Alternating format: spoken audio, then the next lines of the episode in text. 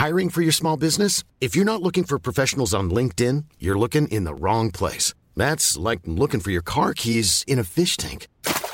LinkedIn helps you hire professionals you can't find anywhere else, even those who aren't actively searching for a new job but might be open to the perfect role. In a given month, over 70% of LinkedIn users don't even visit other leading job sites. So start looking in the right place. With LinkedIn, you can hire professionals like a professional. Post your free job on linkedin.com slash people today. Millions of people have lost weight with personalized plans from Noom. Like Evan, who can't stand salads and still lost 50 pounds. Salads generally for most people are the easy button, right? For me, that wasn't an option. I never really was a salad guy. That's just not who I am. But Noom worked for me. Get your personalized plan today at Noom.com. Real Noom user compensated to provide their story. In four weeks, the typical Noom user can expect to lose one to two pounds per week. Individual results may vary.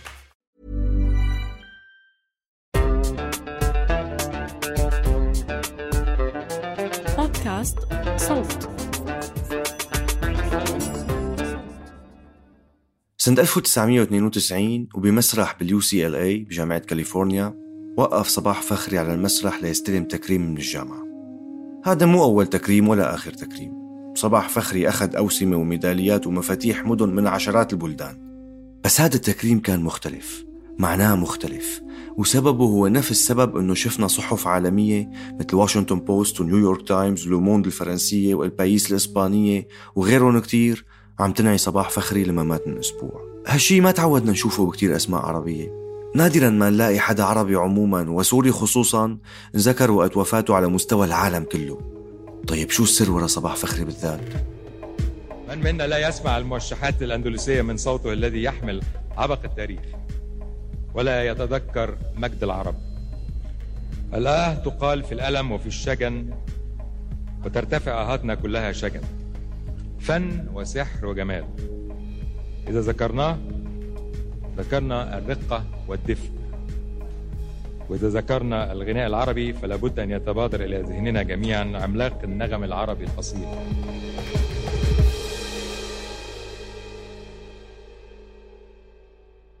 أهلين وسهلين ومرحبتين وأنتم عم تسمعوا حلقة خاصة من بودكاست منبت بمناسبة وفاة المرحوم المطرب الكبير صباح فخري.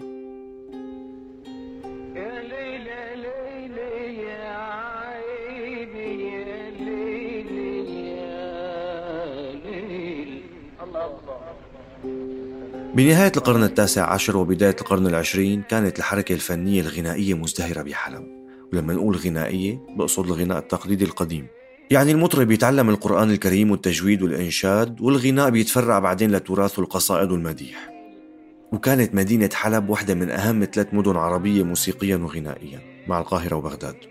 كانت مقصد للمغنيين اللي بدهم يصقلوا موهبتهم ويطوروها وخصوصا مع انتشار الطرق الصوفية بالإنشاد وغيرها كتير ومن الناس اللي إجوا على حلب لحتى يدرسوا ويتطوروا مثلا أبو خليل القباني من دمشق اللي طلع على حلب ليتعلم الغناء ورقص السماح. وحتى يقال إنه سيد درويش اجى على حلب وتلمذ على يد أساتذته. وهالحركة ظلت مكملة للثلاثينات والأربعينات حلب مدينة الطرب لحد ما ولد فيها صبي رح يغير كل شيء. الله الله يا خير الله. تحجب عن عيوني ذلك القمر. يا آه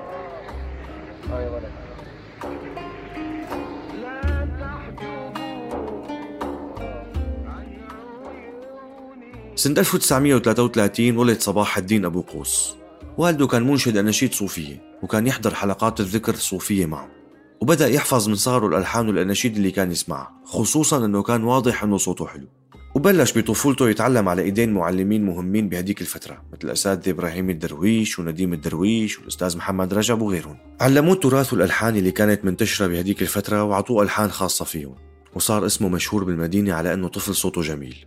بس بسنة 1947 لما كان عمره 14 سنة كل شيء تغير. عازف كمان حلبي مشهور كتير اسمه سامي الشوا كان مقيم بمصر. ويعتبر واحد من أهم عازفي الكمان بالعالم العربي. كان له وزنه لدرجة أنه أثر على مسيرة الموسيقار المصري الكبير سيد درويش. كان الشوا بزيارة لحلب بهديك السنة. فسمع واحد من أقارب صباح بالموضوع وأخده لعنده ليسمعوا صوته. سمعوا وعجبه كتير.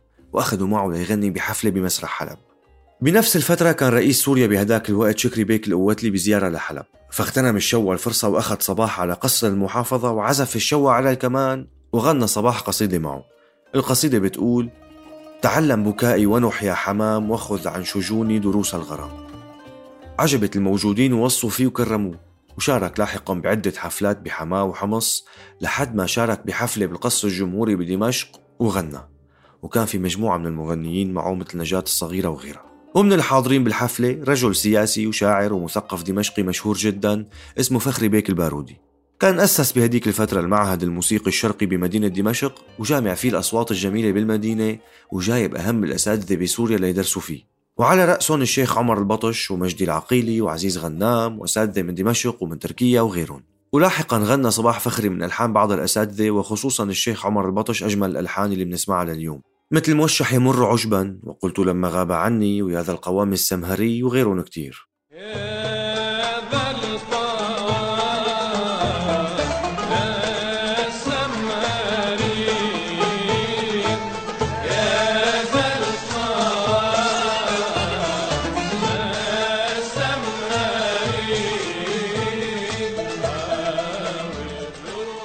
أعجب فخري البارودي بصوت صباح لدرجة عطاه اسمه ليكون كنية إله. ومن وقتها صار اسمه صباح فخري الاسم يلي كلنا بنعرفه لليوم. وبهداك الوقت حاول سامي الشوا ياخذ صباح معه على مصر لكن أصر البارودي على أنه يبقى بالمعهد بدمشق ليدرس فيه. وصار في أخذ ورد على وين لازم يروح صباح فخري لحتى قررت والدته أنه يبقى بدمشق لأنه مصر بعيدة عنهم وصعب يزوروه فيها. طبعا هالقرار كان حاسم بالنسبة لمشوار صباح فخري. غير له مجرى حياته وخلاه يمشي بطريق مختلف تماما عن لو راح على مصر. حيث إنه كان يمكن ما راح يشتغل على التراث والاغاني التراثيه لو راح على مصر. وكان صار واحد من المطربين المشهورين اللي سبقوه بس بشكل مو مختلف ومتميز مثل ما صار معه بالواقع.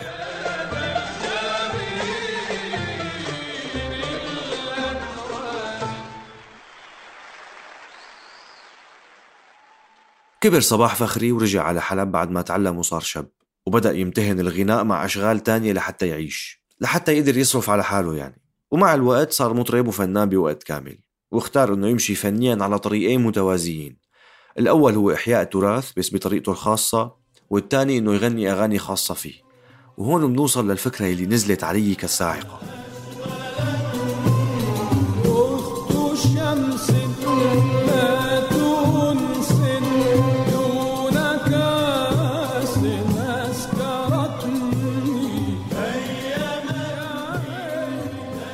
أنا كمستمع عادي جدا بقول عن حالي أتذوق الغناء والموسيقى وبحب فن وصوت وأغاني صباح فخري اللي بسمعها من أول ما ولدت بكل مكان بالطريق وبالمطعم وبالسوق وبالقهوة وبالتلفزيون وبالراديو وغيرهم.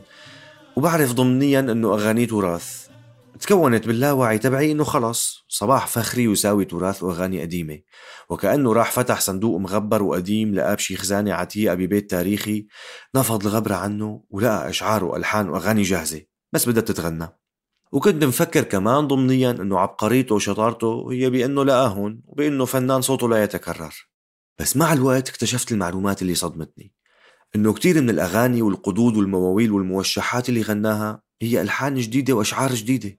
بل أكثر من ذلك عدد لا بأس به من ألحانه هو شخصيا.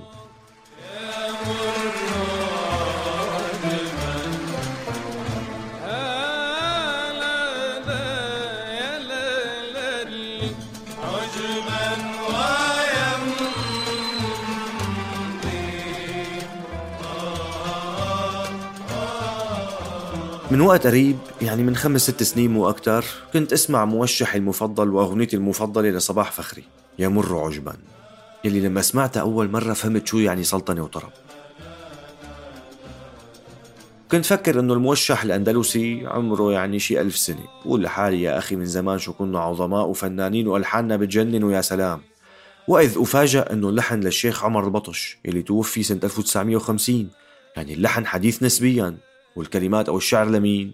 لفخري البارودي نفسه اللي حكينا عليه اللي توفي سنة 1966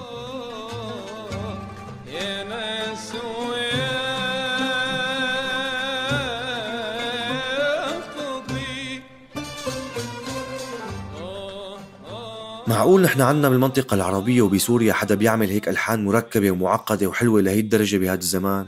هون بدي تدور على الألحان اللي غناها صباح فخري أكتر وأكتر لقيت أغاني أبو خليل القباني موجودة كمان اللي بيكون عم والد الشاعر نزار قباني.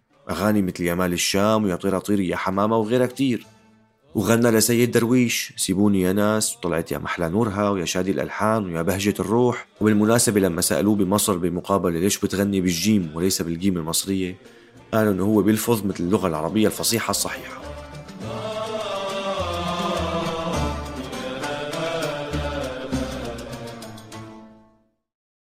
المهم غنى صباح فخري قصائد تراثية كلنا بنعرفها مثل مثلا قل المليحة.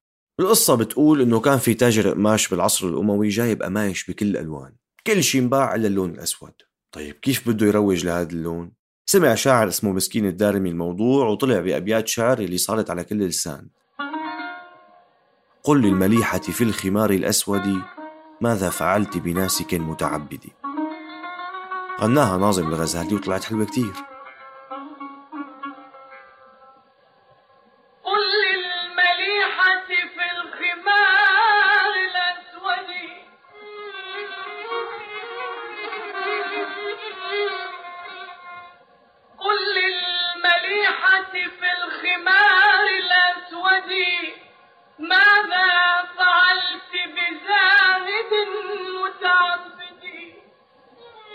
أما النسخة اللي غناها صباح فخري فانتشرت وانشهرت بالمنطقة العربية كلها. بس وين المفاجأة بالموضوع؟ المفاجأة إنه اللحن لصباح فخري مو لحن تراثي. هذا الفن والتعريب والتطريب والتنقل بين القرار والجواب وجواب الجواب والأخذ والرد مع الجمهور لمدة ربع ساعة بمقطع ردي ردي عليه ردي.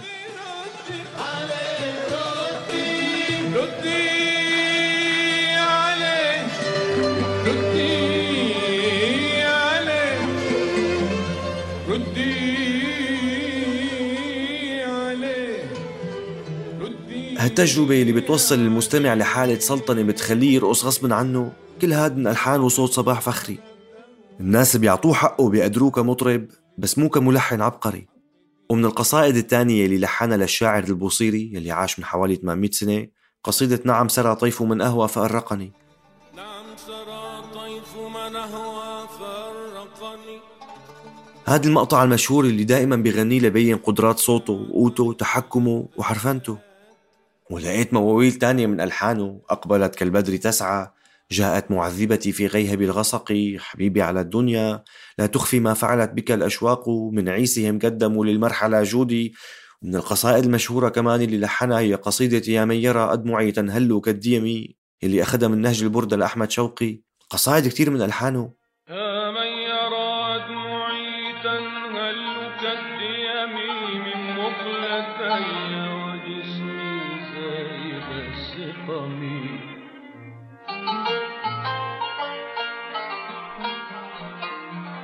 طبعا أي حدا شاف برامج اكتشاف المواهب العربية خلال آخر عشرين سنة بيكون سمع شي من الأغاني اللي قلتها أو غيرها. كلهم تغنوا لحتى يبينوا المتسابقين قدرات أصواتهم وقوتهم لأنه عم يعتمد على لحن صباح فخري اللي بيعطي مساحة رهيبة للمغني.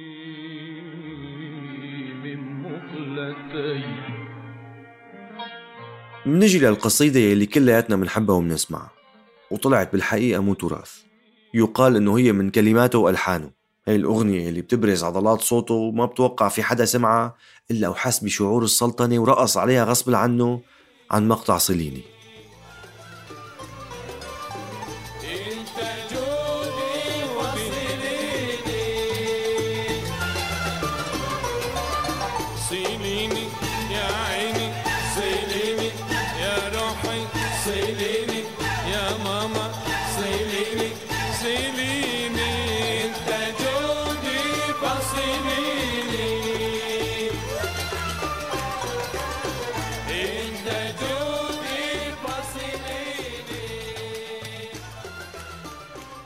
حتى غنية ابعت لي جواب طلعت غنية جديدة. صحيح مو من ألحانه وكلماته. ألحان حسام الدين خطيب وكلمات بكري الكردي بس الغنية جديدة. وبقصد من هي النقطة إنه لوقت قريب كان يطلع من عندنا ألحان وأغاني رائعة على درجة إنه بنحسها تراث قديم وإبداع تاريخي مثل الأبنية والقلاع والأسواق القديمة اللي ما عاد تتكرر. ومعظم الأسماء من صباح فخري لعمار البطش لغيرهم من قبلهم ومن بعدهم تعلموا بمدارس تقليدية بكتير أحيان. يعني بمدارس القرآن والتجويد أو بمدارس أنشئت ببداية القرن العشرين. أما الجيل اللي بعدهم وجيلنا نحن بسوريا يعني جيلين متتاليين بعد صباح فخري فالأثر اللي تركوه لا يكاد يذكر. يعني بين أغاني وأعمال حلوة لدرجة إنه الواحد بفكرها تراث لفراغ تام.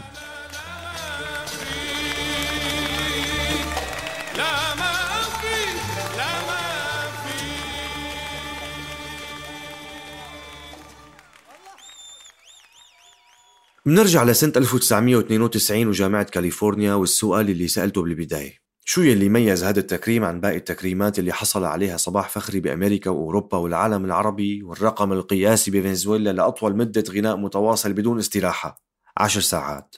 الفرق أنه هالتكريم إجا من كلية مختصة بدراسة الموسيقى.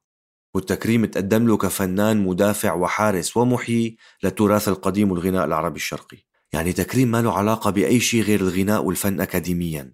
عم يقولوا بالتكريم إنه هذا الفنان هو المرجع بالأغاني الشرقية من موشحات وقدود ومواويل وقصائد مغنات وغيرها. صار واجهة موسيقى مساحة واسعة من العالم وفيها فنانين مشاهير كبار بس تم اختياره هو. ولما سأل عن التكريم بمقابلة تلفزيونية قال إنه غير إنه انبسط فيها كتير قال إنه هي رسالة للأجيال اللي بعده. إنه يلي بيشتغل وبيجتهد بيلاقي نتيجة اجتهاده. بيصل وبيتكرم بكل العالم. بس المهم الثقافة. الموضوع مو بس موهبة. الثقافة كتير مهمة. واللي عرفوا صباح فخري عن قرب بيعرفوا قديش كان مثقف موسيقيا. بيقولوا إنه كان يسمع موسيقى عالمية وحتى غناء أوبرالي. وهالشي فعلا كان غايب عني. مثل ما قلت كنت حس إنه لقى هالأغاني بصندوق قديم في كل شي جاهز. واكتشفت لاحقا إنه الموضوع صعب وأخذ شغل كتير. واصلا قرار الشغل على التراث والقدود الحلبية والقصائد كان قرار جريء كتير. متخيلين قديش كان سهل بصوت مثل صوته يروح على مصر مثلا وينجح مثل مطربين كتار غيره أو يغني أغاني جديدة إله وبس. يعني الطريق اللي اختاره صعب بس بالنتيجة صنع منه أيقونة عالمية. ونحن أساسا شفنا نسخة من صباح فخري بدون دعم مؤسسات الدولة لأنه كالعادة بسوريا ما بيندعم الفن بشكل مؤسساتي. وإنما على شاكلة الملك القديم اللي بيدعم شاعر مبدع بكيس من الدنانير وبشوية دعم. يعني فنان مثل صباح فخري كان ممكن نشوف منه شغل أهم ومدرسة مرتبطة فيه تكون على مستوى العالم. حتى رسائل الماستر اللي انعملت عنه وعن فنه صارت بتونس مثلا مو ببلده سوريا. متخيلين إنه لولا شغله ما كنا سمعنا يمكن بأبو خليل الأباني أو عمر البطش أو كتير من أغاني سيد درويش وكتير من القصائد القديمة؟ كان في فرع كامل من الغناء الشرقي والأغاني الشرقية ما سمعنا فيهم ولا عرفناهم لولا صباح فخري. ولكن آه، طبعا كل مكان له طبيعة. مثلا بحلب عندنا الموال أيوة. يختلف عن الموال في مصر يختلف عن الموال في لبنان يختلف عن الموال في مكان آخر. ولكن يبقى في قاسم مشترك هو أنه باللهجة الدارجة. طب آه، عفوا يعني حضرتك وأنا عم حضر للحلقة شفت كتير من مقابلاته. وبكل المقابلات شفت قديش بيكون مختلف عن المسرح. بالمقابلات هو إنسان مباشر ما بيجامل. جدي بيصل لحد الردود الجافة أحيانا. وهالشي عكس الشخصية اللي بنشوفها على المسرح. بيرقص رقصة السنبلة المشهورة وبيضحك وبيطرب الناس بغنائه. يمكن هالشي بيعبر عن حالته على المسرح لما بيكون وصلان هو لحالة السلطنة قبل المستمعين. بيطلع من جديته ليوصل لاحترافية بيطير فيها وبيطير الجمهور معه. شيخ الكار بكل معنى الكلمة. محترف بتطريز الكلام والألحان وكأنه عم ياخدك معه بمشوار صار له بيروحه خمسين سنة ومحترف ولساته شغوف اتجاهه. وبعدين الفنان ليس لوحة على المسرح جامدة وعيب يتحرك وعيب يتنفس. هذا كان أيام زمان. صحيح. إذا المطرب لا عيب شو يتحرك؟ شو يرقص؟ آه. هلأ إذا ما تحرك بقولوا هو حتة حجر أيوة. ولا هو خشب مسندة ولا هو صنم ولا إيه؟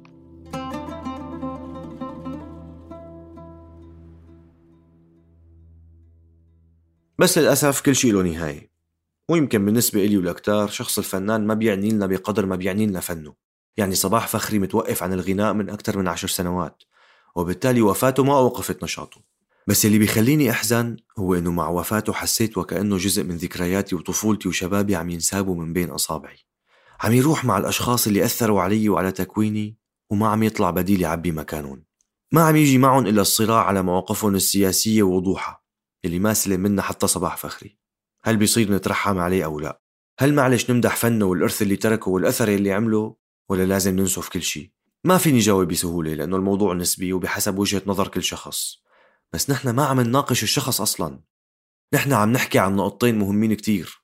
الأثر على الثقافة الشعبية لبلد ومنطقة كاملة وعلى شح البدائل والورثة. ما في حدا يعبي ولو جزء من المكان اللي تركه. وهالشي بيرجع للدولة والأنظمة الحاكمة يلي ما بتدعم مؤسساتيا هذا النوع من الفن. بالعكس عم تتوجه حاليا لتدعم مؤديين وأعمال رديئة لأهداف سياسية مو ثقافية أبدا.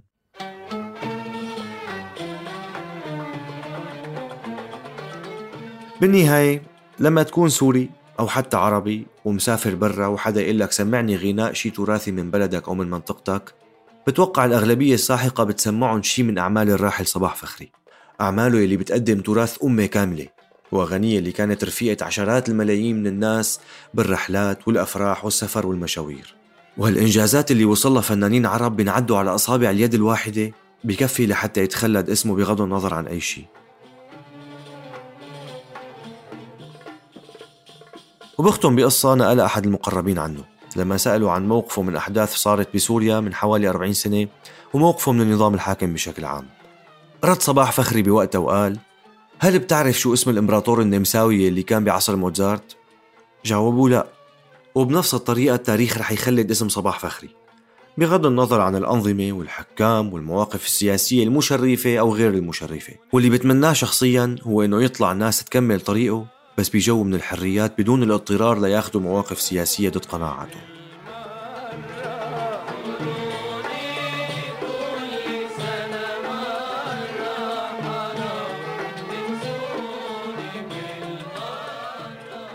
بتمنى تكون عجبتكم هاي الحلقة. كنت معكم من الإعداد والتقديم بشر نجار من التحرير جنى قزاز والهندسة الصوتية لمحمود أبو ندى. سلام.